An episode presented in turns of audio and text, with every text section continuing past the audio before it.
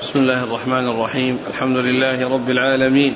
والصلاة والسلام على عبد الله ورسوله نبينا محمد وعلى آله وصحبه أجمعين. أما بعد فيقول الإمام مسلم بن الحجاج القشيري النيسابوري رحمه الله تعالى في صحيحه في كتاب الإيمان قال حدثنا أبو بكر بن أبي شيبة قال حدثنا الحسن بن موسى قال حدثنا حماد بن سلمة عن ثابت البناني عن أنس بن مالك رضي الله عنه أنه قال لما نزلت هذه الآية يا أيها الذين آمنوا لا ترفعوا أصواتكم فوق صوت النبي. إلى آخر الآية جلس ثابت بن قيس رضي الله عنه في بيته قال أنا من أهل النار واحتبس عن النبي صلى الله عليه وسلم. فسأل النبي صلى الله عليه وسلم سعد بن معاذ رضي الله عنه فقال يا أبا عمرو ما شأن ثابت؟ أشتكى؟ قال سعد إنه لجاري وما علمت له بشكوى.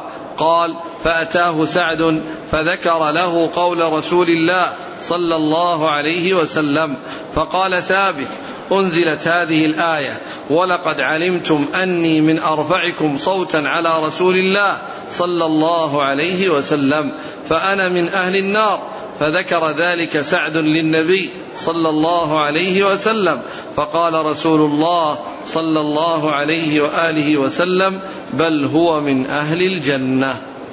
بسم الله الرحمن الرحيم الحمد لله رب العالمين وصلى الله وسلم وبارك على عبده ورسوله نبينا محمد وعلى آله وأصحابه أجمعين. أما بعد فهذا الحديث يتعلق بثابت بن قيس بن شماس رضي الله تعالى عنه وأنه لما نزلت يا أيها الذين آمنوا لا يا, أيها الذين آمنوا لا ترفعوا لا ترفعوا أصواتكم فوق صوت النبي ولا تجهروا له بالقول كجهر بعضكم لبعض أن تحبط أعمالكم وأنتم لا تشعرون. إن الذين يغضون أصواتهم عند رسول الله أولئك الذين امتحن الله قلوبهم للتقوى لهم مغفرة وأجر عظيم.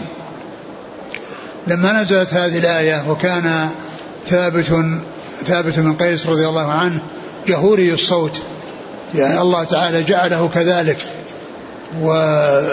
فخشي أن يكون هذا الذي يحصل منه وإن لم يكن ذلك آه، منه رفعا للصوت وكان يستطيع أن يخفضه وإنما هذا جبلة وطبيعة. يعني لأن من الناس من يكون صوته جهوريا ومنهم من يكون صوته دون ذلك. فكان رضي الله عنه جهوري الصوت. ولهذا يقال له خطيب الأنصار. فلما نزلت هذه الآية خشي أن يكون ممن تعنيه هذه الآية وأن يكون ممن يدخل تحتها وذلك لكونه يحصل منه رفع الصوت عند رسول الله صلى الله عليه وسلم وإن كان ذلك جبلة وليس ذلك تعمدا لأن يرفع صوته ويزيد في صوته بحيث يعني يكون ذلك فيه آه، آه، شيء يستحق هذا اللوم. فكان ذلك جبلة له وطبيعة. فخشي أن يكون ممن تعنيه هذه الآية فانحبس في بيته وجلس وصار يبكي. وقال إنه من أهل النار يعني إنه من تعنيه ممن تعنيه هذه الآية. ممن تعنيه هذه الآية. الرسول عليه الصلاة والسلام فقده و فقال لسعد بن معاذ وسعد بن معاذ هو سيد الأوس وثابت بن قيس من الأوس فقال يعني ما حال آه ثابت آه أشتكى؟ يعني هل اشتكى؟ هل, هل أصابه مرض؟ فقال إنه جار له وأنه لا يعلم له شكوى. يعني أنه لا يعلم أنه, أنه مريض وأنه حصل له مرض أقعده ومنعه من الخروج. فذهب سعد إلى إلى ثابت في منزله وأخبره بالذي جعله ينحبس في بيته وهو أنه آه، خشي أن يكون ممن تعنيه هذه الآية. فرجع إلى الرسول صلى الله عليه وسلم وأخبره خبره وقال بل هو من أهل الجنة. قال بل هو من أهل الجنة. وهذا وهذه فضيلة ومنقبة لثابت بن قيس بن شماس رضي الله عنه وأن النبي صلى الله عليه وسلم شهد له بأنه من أهل الجنة. ومن المعلوم أن الرسول عليه الصلاة والسلام شهد لأفراد متعددين بأنهم من أهل الجنة. وقد جاء عنه شهادة للعشرة مبشرين بالجنة أبو بكر وعثمان وأبو بكر وأبو بكر وعمر وعثمان وعلي وطلحة والزبير وسعد وسعيد وعبد الرحمن بن عوف وأبو عبيدة بن, ابن عامر بن الجراح. هؤلاء العشرة شهد لهم النبي صلى الله عليه وسلم في حديث واحد ولهذا قيل لهم العشرة. لأنه قال صلى الله عليه وسلم أبو بكر في الجنة وعمر في الجنة وعثمان في الجنة حتى عد العشرة كل واحد يقول فلان في الجنة فلان في الجنة. فاشتهروا بلقب العشرة المبشرين بالجنة رضي الله عنهم. ولكن ثبتت الجنة أو ثبتت الشهادة بالجنة لأناس آخرين.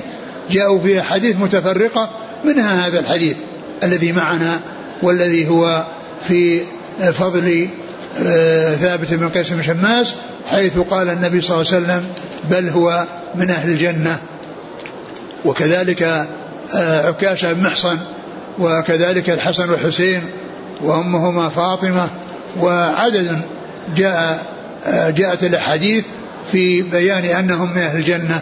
فإذا من شهد له الرسول صلى الله عليه وسلم بالجنة يشهد له بها ويعتقد بأنه سيموت على خير وأنه سيكون من الجنة وأن نهايته معروفة بأنه سينتهي على خير.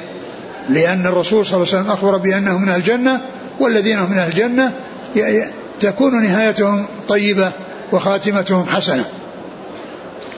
نعم. قال حدثنا أبو بكر بن أبي شيبة نعم. عن الحسن بن موسى نعم. عن حماد بن سلمة عن ثابت البناني نعم. عن أنس بن مالك. نعم. قال وحدثنا قطل بن نسير قال حدثنا جعفر بن سليمان قال حدثنا ثابت عن أنس بن مالك قال كان ثابت بن قيس بن شماس خطيب الأنصار فلما نزلت هذه الآية بنحو حديث حماد وليس في حديثه ذكر سعد بن معاذ وحدثنيه أحمد بن سعيد بن صخر الدارمي. قال حدثنا حبان قال حدثنا سليمان بن المغيرة عن ثابت عن أنس قال لما نزلت لا ترفعوا أصواتكم فوق صوت النبي ولم يذكر سعد بن معاذ في الحديث. نعم. قال وحدثنا قطن بن نسير.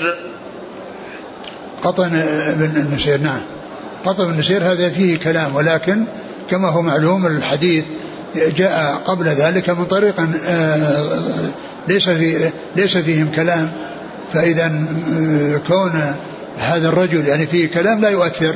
لأنه جاء الحديث من طرق أخرى صحيحة فوجوده آه، في في في إسناد وهو فيه كلام لم يكن الاعتماد عليه وإنما هو الاعتماد على غيره وهو يعني يعني ذكر لأنه يعتبر متابعا لغيره وليس يعني مستقلا أو الرواية مستقلة بالرواية عنه. نعم. قطن بن نسير وبعدين؟ عن جعفر بن سليمان نعم. عن ثابت عن أنس بن مالك. نعم. قال وحدثنيه أحمد بن سعيد بن صخر الدارمي. نعم. عن حبان. حبان بن هلال. حبان بن هلال وهو بفتح الحاء. وفيه شخص آخر قال حبان بن واسع بفتح الحاء. و و وما سوى ذلك من من من رجال الكتب الستة فإنه بكسر الحاء. وهم عدد.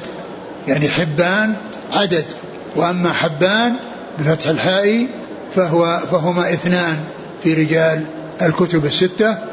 نعم. عن سليمان بن المغيرة عن ثابت عن أنس. نعم. قال وحدثنا هريم بن عبد الأعلى الأسدي. قال حدثنا المعتمر بن سليمان. قال سمعت أبي يذكر عن ثابت عن أنس. قال لما نزلت هذه الآية واقتص الحديث ولم يذكر سعد بن معاذ وزاد فكنا نراه يمشي بين أظهرنا فكنا نراه يمشي بين أظهرنا رجل من أهل الجنة.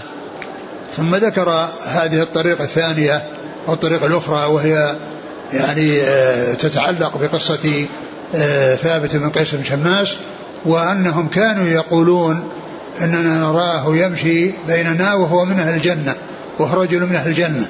يعني لأن الرسول شهد له فهم يعرفون رجلا أو يرونه يمشي بينهم ويعلمون أنه من أهل الجنة. لأن الرسول صلى الله عليه وسلم أخبر بأنهم الجنة فإذا يشهدون بما شهد به الرسول صلى الله عليه وسلم وهو كما ذكرت يعني يفيد بأن خاتمته لا بد وأن تكون حسنة. لا بد وأن تكون حسنة لأنه ممن شهد له رسول الله صلى الله عليه وسلم بالجنة. نعم. قال وحدثنا هريم بن عبد الأعلى الأسدي عن المعتمر بن سليمان نعم. عن أبيه أبو سليمان بن طرخان التيمي. عن ثابت عن أنس. نعم.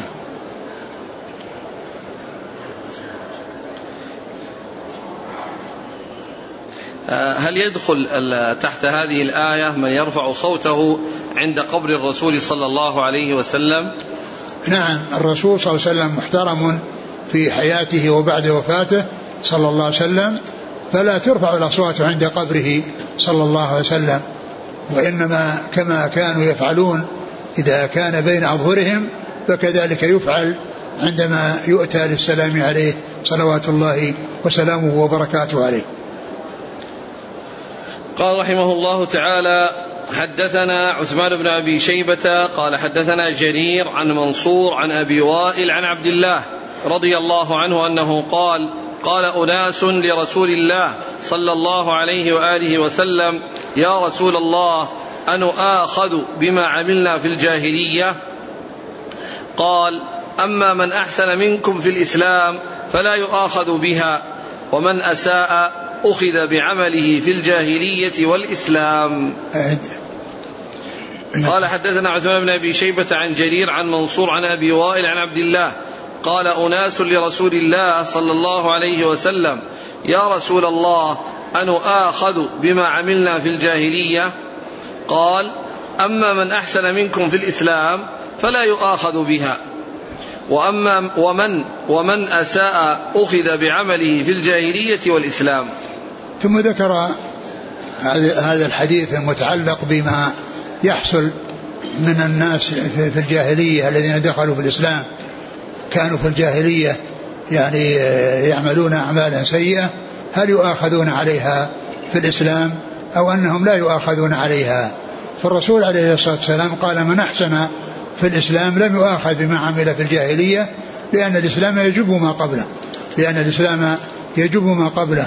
ومن أساء في الإسلام أخذ في الأول والآخر بمعنى يعني وذلك بمعنى أنه يكون آه، يعني معناها ساء في الإسلام بأن يكون آه، مظهرا الإيمان ومبطنا الكفر فإن هذا يعني شأن المنافقين والمنافقون يؤاخذون بما عملوه بما فعلوه من الأفعال التي يؤاخذ عليها في الإسلام كما أنهم يؤاخذون على ما كان في الجاهلية لأنهم لأنهم في الجاهلية كفار وفي الإسلام آه، في حكم الكفار بل هم أشد من الكفار لأنهم يظهرون الإيمان ويبطنون الكفر فيؤاخذون على ما حصل منهم في الإسلام وما حصل منهم في الجاهلية نعم. قال حدثنا عثمان بن أبي شيبة عن جرير ابن عبد الحميد الضبي الكوفي عن منصور ابن المعتمر عن أبي وائل وهو شقيق بن سلمة عن عبد الله ابن مسعود رضي الله عنه. قال حدثنا محمد بن عبد الله بن نمير قال حدثنا أبي ووكيع حا قال وحدثنا أبو بكر بن أبي شيبة واللفظ له. قال حدثنا وكيع عن الأعمش عن أبي وائل عن عبد الله رضي الله عنه قال قلنا يا رسول الله أن آخذ بما عملنا في الجاهلية؟ قال من أحسن في الإسلام لم يؤاخذ بما عمل في الجاهلية ومن أساء في الإسلام أخذ بالأول والآخر. وهذا مثل الذي قبله. قال حدثنا محمد بن عبد الله بن نمير عن أبيه. نعم. وهو وكيع. وكيع بالجراح حا قال وحدثنا أبو بكر بن أبي شيبة واللفظ له عن وكيع عن الأعمش. سليمان بن مهران. عن أبي وائل عن عبد الله. نعم. قال حدثنا من جاب بن الحارث التميمي قال أخبرنا علي بن مسهر عن الأعمش بهذا الإسناد مثله. نعم. قال حدثنا من جاب بن نعم. الحارث التميمي نعم. عن علي بن مسهر نعم. عن الأعمش. نعم. قال رحمه الله تعالى حدثنا محمد بن المثنى العنزي وأبو معن الرقاشي وإسحاق بن منصور كلهم عن أبي عاصم واللفظ لابن المثنى. قال حدثنا الضحاك يعني أبا عاصم. قال أخبرنا حيوة بن شريح. قال حدثني يزيد بن أبي حبيب عن ابن شماسة المهري. قال حضرنا عمرو بن العاص رضي الله عنه وهو في سباقة الموت يبكي. وهو في سباقة الموت يبكي طويلا. فهو في سباقة. سباقة ولا سياقة. سياقة هكذا مضبوطة؟ بالباء؟ نعم. قال وهو في سباقة الموت يبكي طويلا وحول وجهه إلى الجدار فجعل ابنه يقول يا أبتاه أما بشرك رسول الله صلى الله عليه وسلم بكذا؟ أما بشرك رسول الله صلى الله عليه وسلم بكذا؟ قال فأقبل بوجهه فقال إن أفضل ما نعد شهادة أن لا إله إلا الله وأن محمدا رسول الله. إني قد كنت على أطباق ثلاث. لقد رأيتني وما أحد أشد بغضا لرسول الله صلى الله عليه وسلم مني. ولا أحب إلي أن أكون قد استمكنت منه فقتلته. فلو مت على تلك الحال لكنت من أهل النار. فلما جعل الله الإسلام في قلبي أتيت النبي صلى الله عليه وسلم فقلت أبسط يمينك فلأبايعك فبسط يمينه. قال فقبضت يدي. قال ما لك يا عمرو؟ قال قلت أردت أن أشترط. قال تشترط؟ بماذا؟ قلت أن يغفر لي. قال أما علمت أن الإسلام يهدم ما كان قبله؟ وأن الهجرة تهدم ما كان قبلها وأن الحج يهدم ما كان قبله وما كان أحد أحب إلي من رسول الله صلى الله عليه وسلم ولا أجل في عيني منه وما كنت أطيق أن أملأ عيني منه إجلالا له. ولو سئلت أن أصفه ما أطقت لأني لم أكن أملأ عيني منه. ولو مت على تلك الحال لرجوت أن أكون من أهل الجنة. ثم ولينا أشياء ما أدري ما حالي فيها. فإذا أنا مت فلا تصحبني نائحة ولا نار. فإذا دفنتموني فشنوا علي التراب شنا. ثم أقيموا ثم أقيموا حول قبري قدر ما تنحر جزور. ويقسم لحمها حتى أستأنس بكم وأنظر ماذا أراجع به رسل ربي. ثم ذكر هذا الحديث المتعلق بعبد الرحمن أبي عبد عمرو بن العاص رضي الله تعالى عنه وذلك عند موته عندما صار في مرض الموت وكان في الاحتضار فكان عنده أناس وكان يعني يبكي ثم آه، آه، جعل وجهه إلى الجدار وجعل يبكي فجعل ابنه يعني آه، يقول له ويذكره بأن ألا يخاف وأن يحسن الظن بالله عز وجل ويخبره بالأشياء التي يعني بشره فيها رسول الله صلى الله عليه وسلم بكذا ما بشرك بكذا ثم إنه التفت إليهم وجعل يحدثهم وقال إني كنت على أحوال ثلاث كنت آه، كان الرسول صلى الله عليه وسلم في في في نفسه وفي قلبه من أبغض الناس إليه وكان لو تمكن من قتله ولا لفعل ذلك لأنه كان أبغض الناس إليه وذلك في حال كفره. ثم إن الله من عليه بالإسلام وهداه إلى الصراط المستقيم فأسلم فكان رسول الله صلى الله عليه وسلم أحب الناس إليه وكان يجله وحتى أنه لا يستطيع أن ينظر إليه.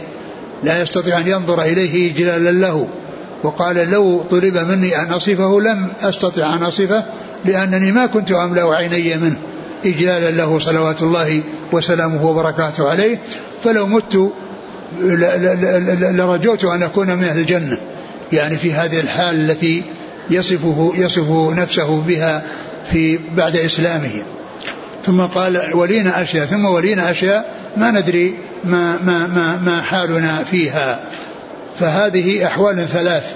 الحالة الأولى البغض الشديد للرسول صلى الله عليه وسلم في حال كفره وأنه لو تمكن من قتله قتله.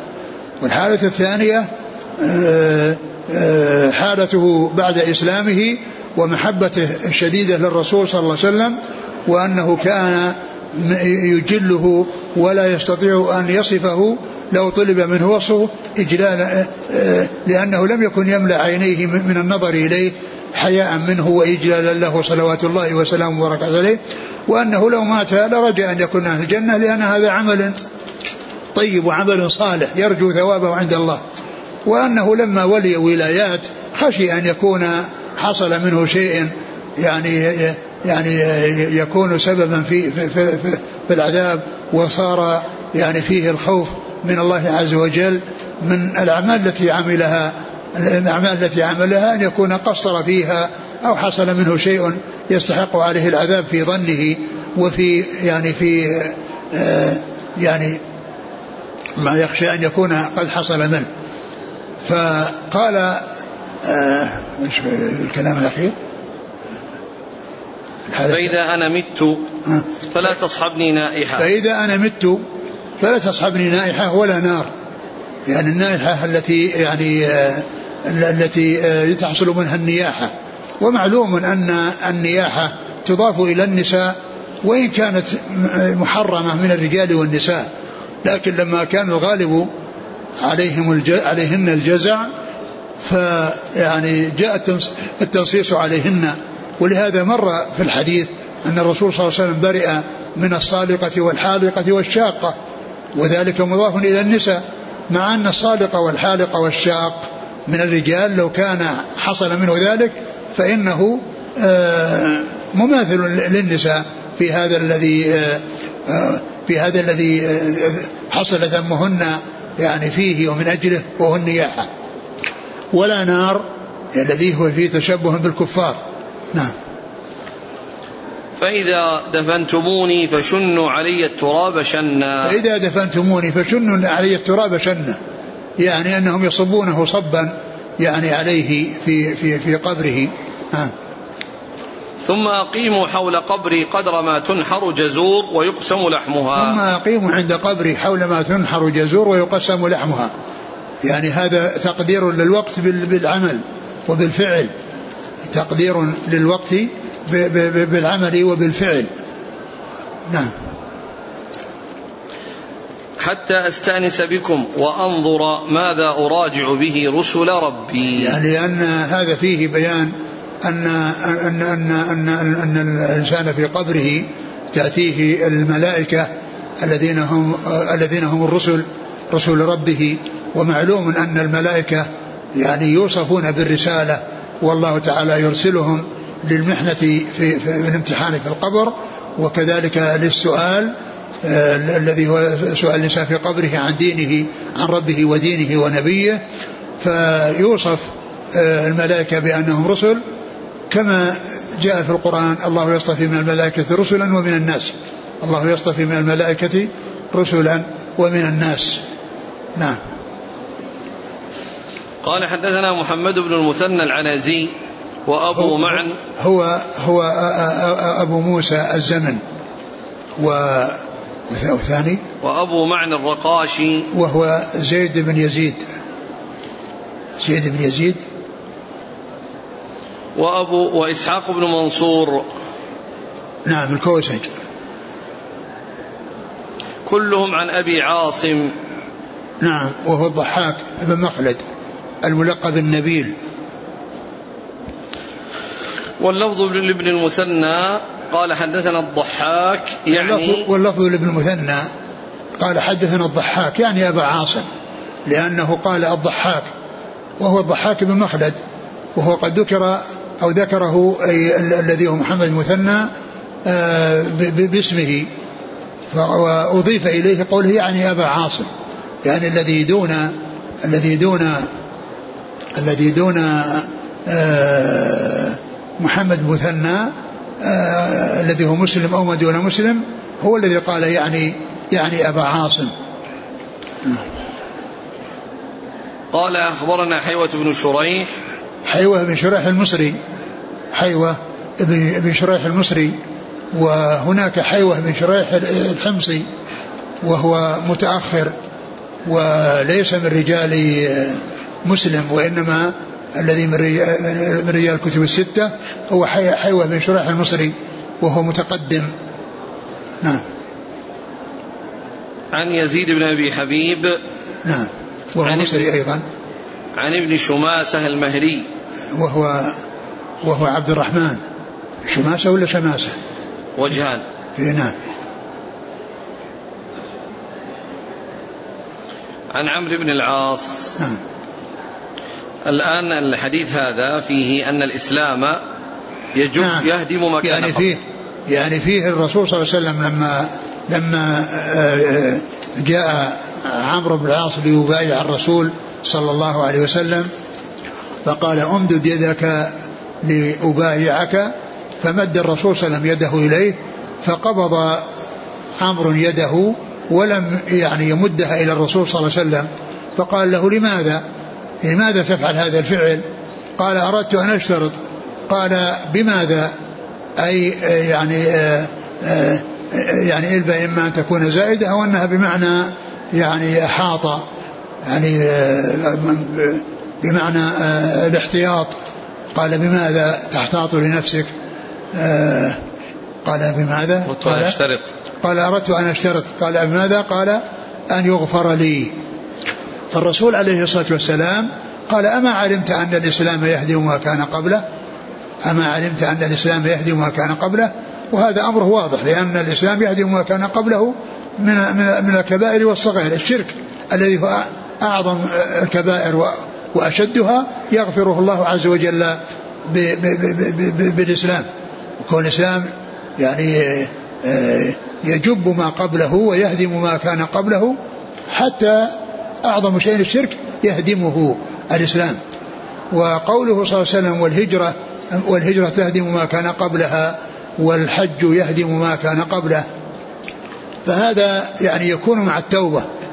يعني هذا يكون مع التوبة النصوح يعني يحصل به هدم ما كان قبله. أما إذا كان الإنسان حج وهو آه، منطو على الرغبة في المعاصي والحرص عليها والتفكير فيها وهو مشغول متى حصلها فعلها فإن هذا لا يكفر الحج له الكبائر وإنما يكفر مع التوبة. لكن الصغائر لا شك أنها تكفر. الصغائر لا شك أنها تكفر وأما الكبائر فإن التوبة يعني في الحج آه، عن الذنوب والمعاصي يحصل بها تكفير تكفير الكبائر. أما إذا كان مصرا على الكبيرة وحريص عليها ويفكر فيها في حجه ومتى يحصلها حتى يفعلها فهذا لا يقال إن حجه يهدم تلك الكبائر التي كانت موجودة من قبل والتي هو حريص عليها في حجه والتي يفكر فيها حجه والتي هو مشغول فيها في حجه. فالإسلام يهدم ما كان قبله هذا امره واضح. وأما الهجرة والحج فإن هذا إذا كان معها معها توبة.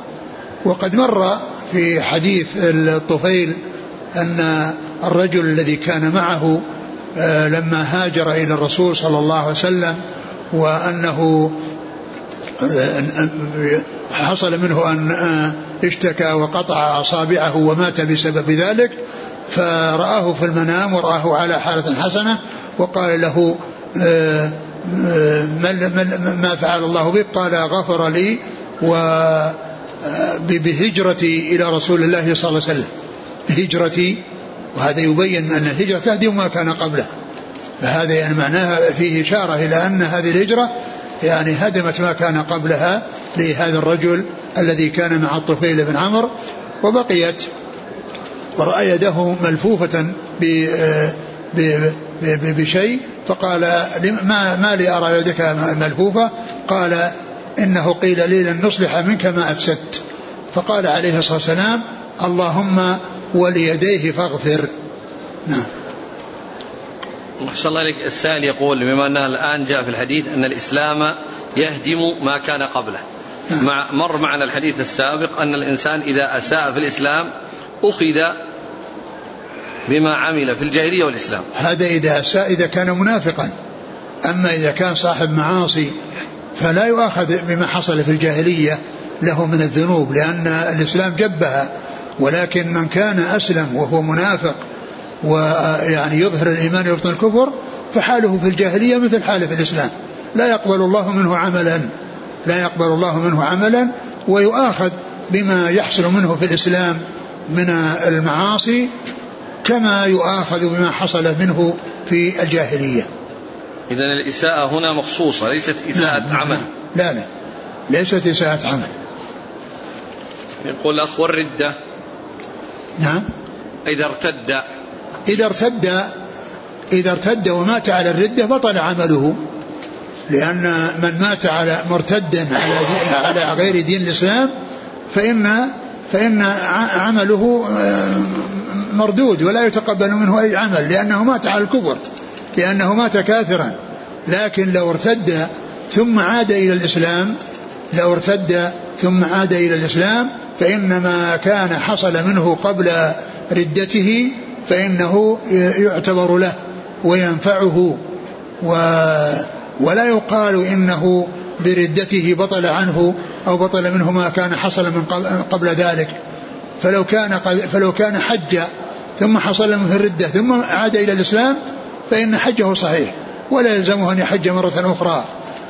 وهذا مثل مثل الصحبة التي كان من ارتد عن الإسلام ثم رجع إليه فإنه, فإنه يعتبر صحابيا. ولا يقال إنه آه، لما ارتد ذهب صحبته لأن العبرة بالوفاة على الردة. وأما إذا عاد إلى الإسلام ومات عليه فلا يذهب عنه وصف الصحبة. ولهذا الحافظ بن حجر لما عرف في نخبة الفكر آه، الصحابي قال هو من لقي النبي صلى الله عليه وسلم مؤمنا به ومات على الإسلام ولو تخللت ردة في الأصح. ولو تخللت ردة في الأصح. يعني المسألة فيها خلافية ولكن الصحيح أن أن أن أن أن أن أنه لا يذهب عنه وصف الصحبة لكونه ارتد إذا كان عاد إلى الإسلام ومات على الإسلام. ال في قوله الهجرة. هل الهجرة المراد بها هجرة مكة إلى المدينة أم كل من هاجر من بلد الشرك إلى بلد الإسلام حتى في زمن الحاضر؟ لا شك أن من هاجر من بلد الكفر إلى بلد الإسلام هو على خير والهجرة مستمرة ودائمة و ولكن لا شك أن الهجرة إلى الرسول صلى الله عليه وسلم لها, لها ميزة على غيرها ولهذا الطفيل أو صاحب الطفيل قال غفر لي بهجرتي إلى رسول الله صلى الله عليه وسلم. غفر لي بهجرتي إلى رسول الله صلى الله عليه وسلم. والإنسان إذا إذا إذا, هاجر من بلد الكفر إلى بلد الإسلام وهو يعني آآ آآ آآ تائبا من جميع الذنوب والمعاصي فلا شك أن أن أن الهجرة يعني تهدم ما كان قبلها وكذلك الحج. إذا ثاب فيه من جميع الذنوب والمعاصي فإنه يهدم ما كان قبله أحسن الله عليك وصايا عمرو رضي الله عنه في الش... لما قال أقيموا حول قبري قدر ما تنحر جزور هذا هذا قاله عمر رضي الله عنه وبعض أهل العلم قال إن أن أن ذلك يفعل لأن هذا لا يقال عن عن رأي ولكن كما هو معلوم ليس هذا ليس هذا ليس بهذا ليس هذا بلازم. أن الأسئلة الآن يعني أهل البدع يستدلون بهذا بجواز الذبح. يعني بعد موت الميت بأيام معينة والبقاء حول قبره مدة من القرآن والدعاء حتى يستأنس الجلوس والمكوث عنده مدة طويلة هذا خلاف ما جاء عن, عن عمرو. وإنما هذا في الوقت الذي كان يعني تأتيه الملائكة وأنه يسأل. وأنه يسأل. لا أن ذلك يعني يطول وأنه يستمر لأنه ذكر حتى أنظر بماذا أجيب آه، رسل ربي. وفيه دليل على أن الأموات يسمعون الأحياء أستأنس بكم يستأنس بهم هو هذا ما يدل.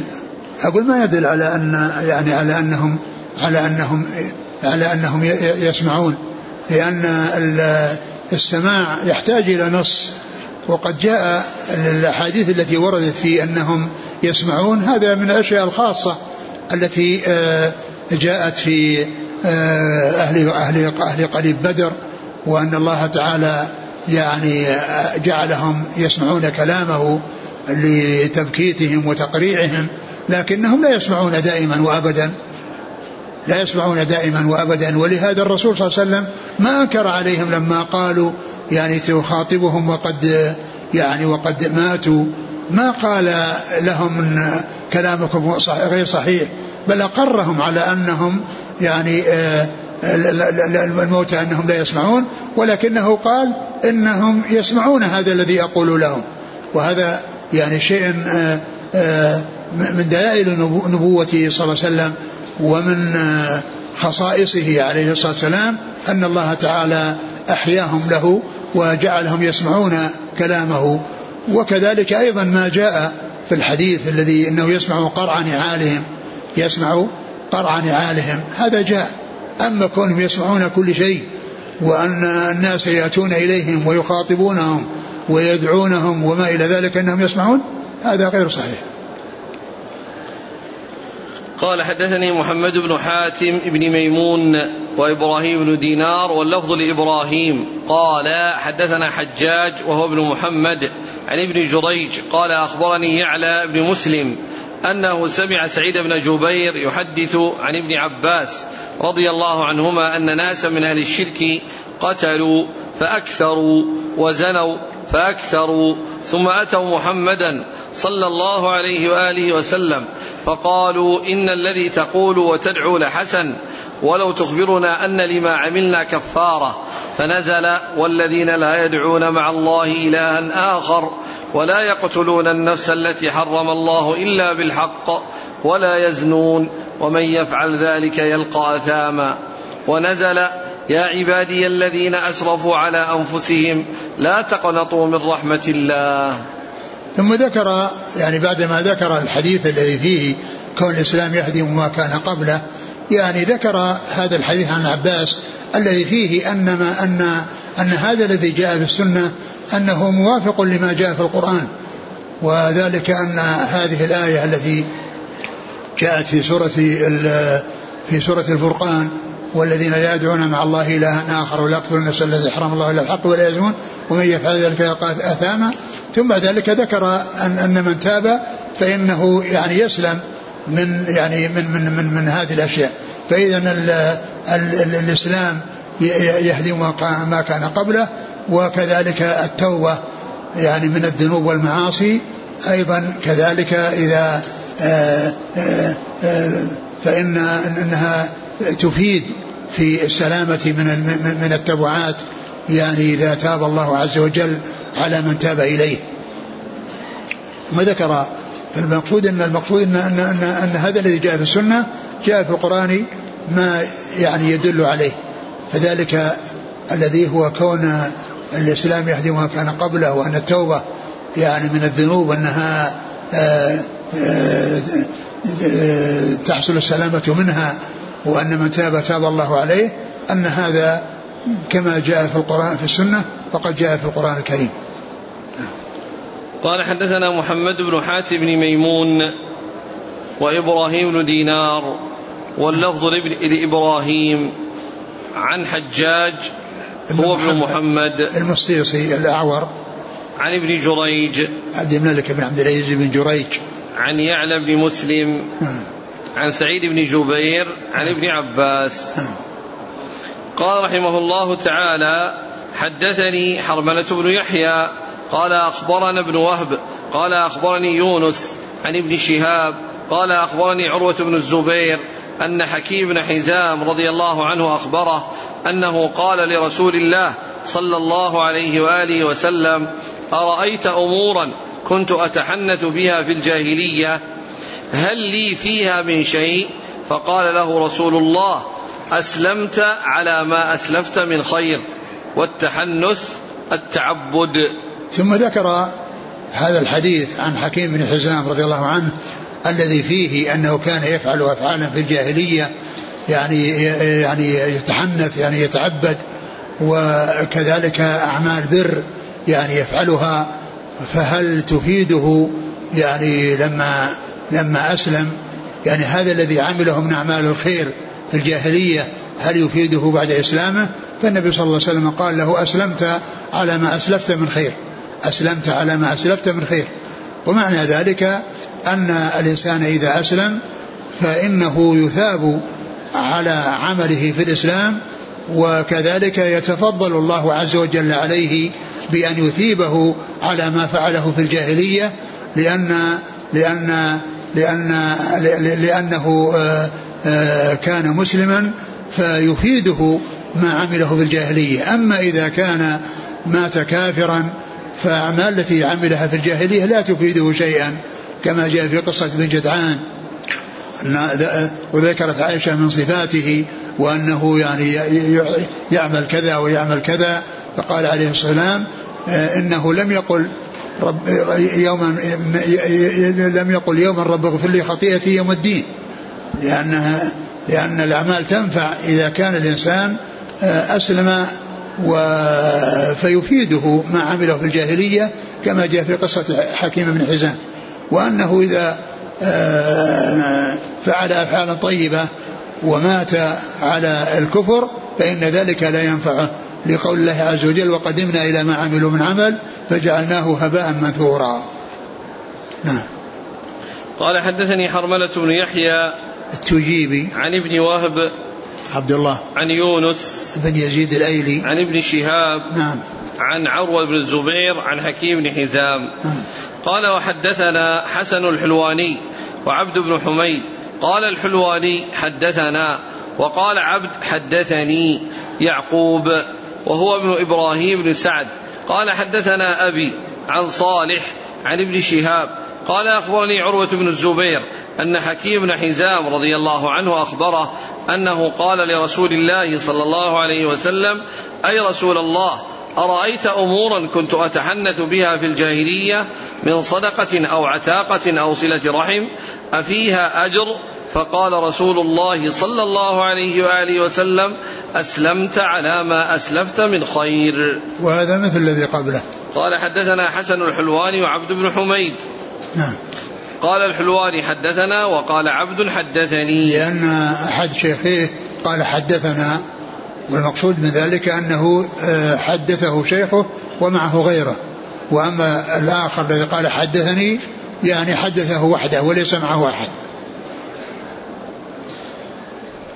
عن يعقوب وهو ابن إبراهيم بن سعد نعم عن أبيه نعم عن صالح ابن كيسان. عن ابن شهاب نعم. عن عروة بن الزبير عن حكيم بن حزام. نعم. قال حدثنا إسحاق بن إبراهيم وعبد بن حميد. قال أخبرنا عبد الرزاق. قال أخبرنا معمر عن الزهري بهذا الإسناد. حا قال وحدثنا إسحاق بن إبراهيم. قال أخبرنا أبو معاوية. قال حدثنا هشام بن عروة عن أبيه عن حكيم بن حزام. رضي الله عنه. قال قلت يا رسول الله أشياء كنت أفعلها في الجاهلية. قال هشام يعني أتبرر بها. فقال رسول الله صلى الله عليه وسلم أسلمت على ما أسلفت لك من الخير. قلت فوالله لا أدع شيئا صنعته في الجاهلية إلا فعلت في الإسلام مثله. نعم ثم ذكر هذا الحديث عن من طريق أخرى عن حكيم بن حزام وذكر أنه هذه الأفعال التي كان يفعلها في الجاهلية أراد أن يفعل مثلها في الإسلام فكان كل شيء فعله في الجاهلية يفعل مثله في الإسلام. ومعنى ذلك أنه يريد أن يحصل يعني آه، آه، ثوابا على هذا العمل الذي عمله في الإسلام. و ومع ما يتفضل الله عز وجل عليه به من من إثابته على ما حصل منه في الجاهلية نعم. قال حدثنا إسحاق بن إبراهيم وعبد بن حميد نعم. عن عبد الرزاق عن معمر عن الزهري بهذا الإسناد نعم. حا قال وحدثنا إسحاق بن إبراهيم عن أبي معاوية محمد بن خازم عن هشام بن عروة عن أبيه عن حكيم بن حزام نعم. قال حدثنا أبو بكر بن أبي شيبة قال حدثنا عبد الله بن نمير عن هشام بن عروة عن أبيه أن حكيم بن حزام رضي الله عنه أعتق في الجاهلية مئة رقبة وحمل على مئة بعير ثم أعتق في الإسلام مئة رقبة وحمل على مئة بعير ثم أتى النبي صلى الله عليه وآله وسلم فذكر نحو حديثهم. نعم وهذا فيه تفصيل. يعني الشيء الذي أجمل في الرواية السابقة وأنه آه، الذي عمل في الجاهلية عمل مثله في الإسلام. فذكر هنا يعني بعض الأعمال التي عملها في الجاهلية والتي عمل مثلها في الإسلام. نعم. قال حدثنا أبو بكر بن أبي شيبة عن عبد الله بن نمير عن هشام بن عروة عن أبيه عن حكيم بن حزام. قال رحمه الله تعالى حدثنا أبو بكر بن أبي شيبة قال حدثنا عبد الله بن إدريس وأبو معاوية ووكيع عن الأعمش عن إبراهيم عن علقمة عن عبد الله رضي الله عنه أنه قال لما نزلت الذين آمنوا ولم يلبسوا إيمانهم بظلم شق ذلك على أصحاب رسول الله صلى الله عليه وسلم وقالوا أينا لا يظلم نفسه؟ فقال رسول الله صلى الله عليه وآله وسلم ليس هو كما تظنون إنما هو كما قال لقمان لابنه يا بني لا تشرك بالله إن الشرك لظلم عظيم. والله تعالى أعلم وصلى الله وسلم وبارك على عبده ورسوله نبينا محمد وعلى آله وأصحابه أجمعين. جزاكم الله خيرا وبارك الله فيكم. ألهمكم الله الصواب ووفقكم للحق. شفاكم الله وعافاكم ونفعنا الله ما سمعنا. غفر الله لنا ولكم وللمسلمين أجمعين. آمين آمين. في حديث ذكره النووي وأشار إليه في فيما إذا فعل في الجاهلية وأنه يعني يثاب على ذلك. أضافه إلى الدار قطني في غرائب مالك. وذهب ابن بطال وغيره من المحققين إلى أن الحديث على ظاهره وأنه إذا أسلم يعني هذا الحديث الذي فيه أنه أسلم على ما أسلم الخير يعني بعض العلماء تأوله بتأويلات أخرى وختمها بهذا الذي نقله عن ابن بطال وغيره من المحققين وأنه على ظاهره وأن الله عز وجل يتفضل على من أسلم وحسن أحسن عمله بالإسلام أنه يثيبه على عمله في الإسلام ويتفضل الله عز وجل عليه بأن يثيب بأن يثيبه على عمله الذي حصل في الجاهلية. نعم. قال إيش؟ قال ابن بطال وغيره المحققين. هو على ظاهره. نعم.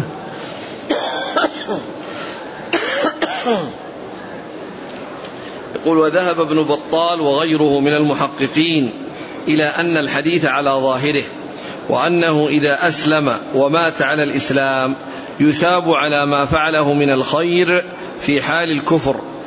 واستدلوا بحديث أبي سعيد الخدري رضي الله عنه قال رسول الله صلى الله عليه وسلم إذا أسلم الكافر فحسن إسلامه كتب الله تعالى له كل حسنة زلفها. ومحى عنه كل سيئة كان زلفها وكان عمله بعد الحسن بعد وكان عمله بعد الحسنة بعشر أمثالها إلى سبعمائة ضعف والسيئة بمثلها إلا أن يتجاوز الله سبحانه وتعالى. ذكره الدار قطني في غريب حديث مالك ورواه عنه من تسع طرق وثبت فيها كلها أن الكافر إذا حسن إسلامه يكتب له في الإسلام كل حسنة عملها في الشرك قال ابن بطال رحمه الله تعالى بعد ذكره بعد ذكر الحديث ولله تعالى أن يتفضل على عباده بما يشاء لا اعتراض لأحد عليه. يعني هذا الحديث الذي ذكر آه، الترمذي أنه النووي آه، ذكر النووي أنه انه رواه الدار قطني في غرائب مالك. وهذا الحديث موجود في سنن النسائي. هذا الحديث موجود في سنن النسائي ورقمه 4998 4998 نفس الحديث هذا الذي أشار إليه هو موجود عند النسائي.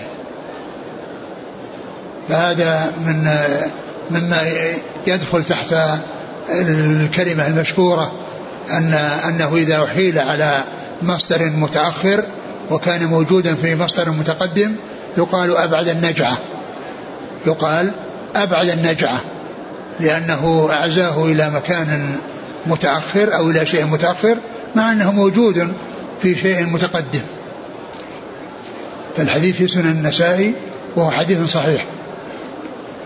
وهو يبين يوضح يعني هذا المعنى الذي ذكره الذي قاله النووي عن ابن بطال وغيره من المحققين وأنه على ظاهره. نعم. هذا هذا يعني جيد الآن في دعوة الآن. أقول يعني الإخوة اللي قائمين على الدعوة لبعض الناس الذين كانوا على الكفر وكان عندهم أعمال صالحة. فهذا من محاسن هذا الدين أن يذكروا به. يقال لهم أعمالكم التي كنتم تفعلونها على ما كنتم عليه من كفر. إذا أسلمتم حسن إسلامكم لن تضيع. إيش إيش يكون؟ الآن الكافر مثل يهودي أو نصراني أو أي ديانة وله أعمال صالحة. نعم أعمال صالحة التي يعني آه، آه، مثل ما ذكر يعني من إحسان وصدقات وإحسان وما إلى ذلك وعتق. نعم لا يضيع. فيقال له يعني الآن من محاسن الدين إذا نعم. دخلت في الإسلام وأسلمت نعم لا عملك الأول لا يضيع. لا يضيع بل إيه. تجازى عليه بالحسنات. ما يضيع. فيه بالمناسبة يعني سبق أن مر بنا حديث آه أن الله جميل يحب الجمال. نعم. أن الله جميل حديث الجمال في صحيح مسلم. هناك بمعناه أو بلفظ آخر موجود عند الترمذي إن الله نظيف يحب النظافة. نعم. ولكن هذا ليس بصحيح. في إسناده رجل متروك. في إسناده رجل متروك. فيه أن الله نظيف يحب النظافة. هذا موجود في سنة الترمذي ولكنه لا يصح. ولكن الحديث الذي فيه أن الله جميل يحب الجمال كما مر بنا هو في صحيح مسلم. يسأل يقول حفظك الله هل صحيح أن لعثمان بن أبي شيبة مصنف مثل ما لأخيه أبي بكر بن أبي شيبة؟ مصنف؟ لا أدري. يقول آه، عندنا بدأت شركات العمرة بجلب المعتمرين مقابل مبالغ نقدية تؤخذ بالآجل. مبالغ نقدية؟ مقابل نعم مقابل مبالغ نقدية تؤخذ بالآجل بالتقسيط. أيه. ومنهم من يقوم بتحميل المبلغ أكثر لكونه بالتقسيط. ومن ومنهم؟ من يقوم بتحميل المبلغ أكثر. بتأمين؟ تحميل. يحملونه أكثر المبلغ أكثر. يدفع نقدا يجيبونه مثلا بعشرة آلاف. نعم. إذا بتقسيط يصير خمسة ألف. ما في هذا بس لا بأس. هو هذا سؤال هل يجوز ذلك؟ لا بأس. لا بأس بذلك. يقول عندنا في العراق يقوم التكفيريون بقتل بعض الأشخاص. ويقطعون رؤوسهم ثم يعطون الرأس لأهل المقتول. فنصلي عليه وندفنه. وبعد مدة نجد جسده. هل نصلي مرة أخرى على الجسد أم ندفنه من غير صلاة؟ أنا ما أدري عن قضية الصلاة على الرأس فقط. ما أدري عن حكمها. لكن لكن الجسد إذا كان موجود ولو كان معه رأس يعني يصلى عليه. لكن الصلاة على الرأس وحده لا لا أدري. يقول فضيلة الشيخ هل يجوز لي أن أجعل لي مهنة مثل نجار أو فني؟ ولست كذلك إنما أفعل ذلك في الإقامة. في إيش؟ أكتب في الإقامة عملي مهنتي نجار أو فني وأنا في الحقيقة لست كذلك. هذا الذي يقول أنه يعني يضع مهنة وهو ليس من أهل هذه المهنة بأن يكتب نجار أو غير ذلك وهو ليس كذلك. أولا هذا ليس من شأن العامل وإنما هذا من شأن الكفيل الذي يكفله. فالكفيل لا يأتي إلا بأناس يحتاج إليهم في عمله ويكونون يجيدون الشيء الذي آه، أتاهم أتى بهم من أجله. فهؤلاء هم الذين يحددون المهنة ويكون الذي آه، يأتي آه، على على الوجه الذي هم يريدونه ولا يأتي بأناس يعني يجعل لهم آه، مهن ويتركهم يفلتهم فإن هذا لا يصلح ولا ولا ينبغي. وإنما على من احتاج إلى عمال أن آه، يقوم أنهم يعني يجعلهم يقومون بالأعمال التي أتى بهم من أجلها لا أن يأتي بهم ويتركهم ويضع لهم يعني آه، أسمى مهن غير صحيحة أو غير أو صحيحة ولكنه يفلتهم ويأخذ منهم مقابل ذلك. هذا ما يصلح ولا ولا يليق وهذا يخالف أنظمة الدولة. وأيضا يترتب عليه مفاسد بكون الإنسان يفلت ما ما يدرى ماذا يعمل وما يحصل منه. قد يحصل منه شر يعني بسبب يعني هذا التصرف.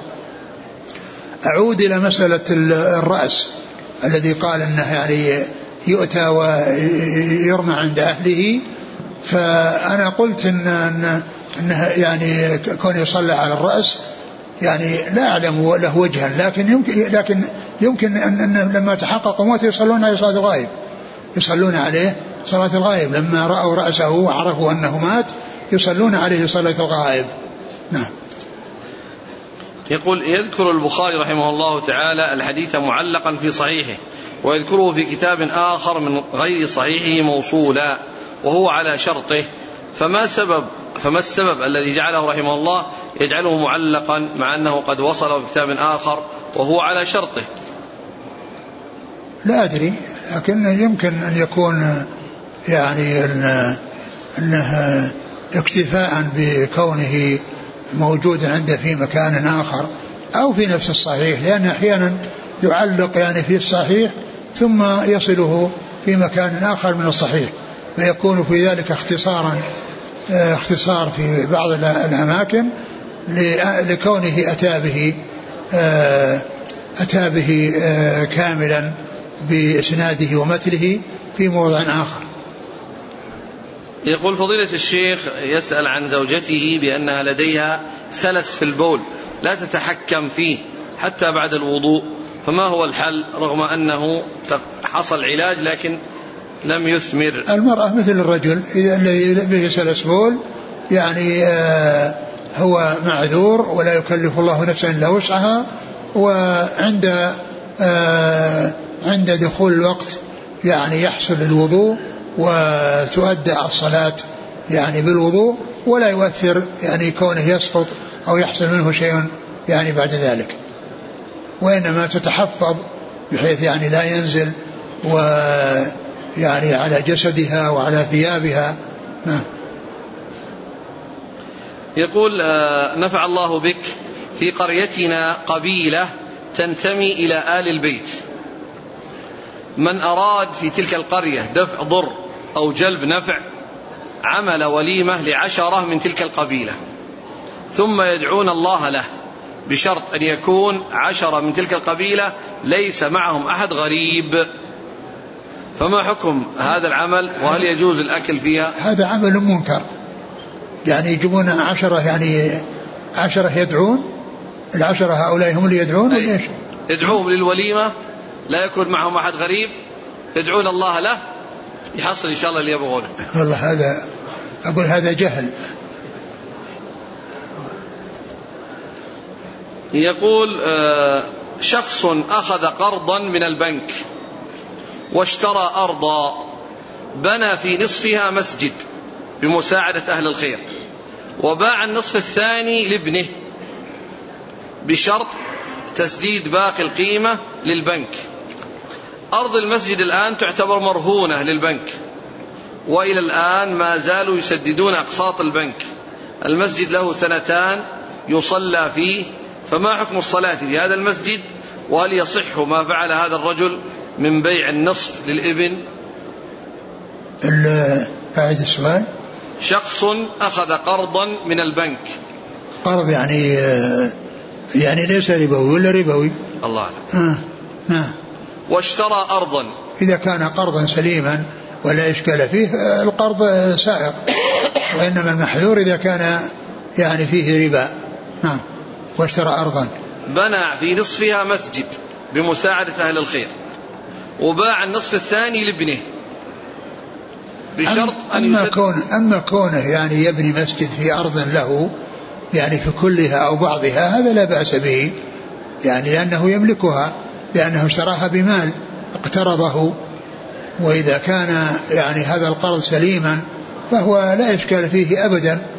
وأما الشيء الذي باعه على ولده ما أدري هل له أولاد آخرين أو أن وهذا هذا البيع هل فيه محاباة وهل فيه لأنه قد يكون آه، آه، أنه يبيعه برخص ويكون بذلك يحرم أولاده مع أن الواجب أنه يعدل بين أولاده وإذا كان باعه بسعره وأنه لا يعني ليس فيه محاباة ما في بأس. الصلاة في هذا المسجد الآن. صحيح ما في بأس. يقول هل العين تصيب الآلات كالسيارات أو غيرها أو تصيب صاحبها فقط؟ والله الذي يبدو الذي يبدو أن العين أنها لا تختص ب يعني بالآدميين بل قد تصيب الآلات. بل قد تصيب الآلات. ولكنها يعني كما هو معلوم يعني لا لا يقال إنها ترقى وانه يعني يعمل لها مثل ما يعمل مثل ما يعمل للناس الذين لهم أرواح والذين يعني لهم أنفس.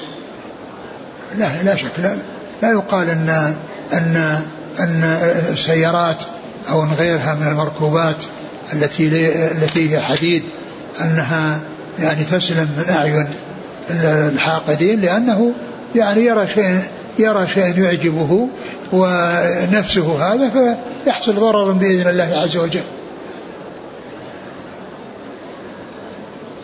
يقول الأخ والبهائم ممكن كذلك يحصل لها ذلك؟ يمكن نعم. يمكن لا شك. وحينئذ ترقى كل هذه الأشياء ممكن يقرأ عليها يرش عليها. والله يمكن. ما لأن قرأ عليه. لأنها ذات نفس يعني ذات هذا يمكن. يمكن. لا حتى أحسن الله عليك الآلات بعض الناس يرش على السيارة. لا الآلات يعني ما الذي يبدو أن هذا يعني يعني ما ما, ما هو مستقيم بالنسبة للحديد وبالنسبة للسيارات. صلى الله عليك. إذا قلنا بأنها تصاب شلون يتخلص؟ يبيعها يعني؟ إذا أصيبت سيارته بعين بحسد. أبدا إذا كان إذا كان تحقق يعني إذا كان فيها خلل يصلحه وقد يكون هذا يعني ليس من العين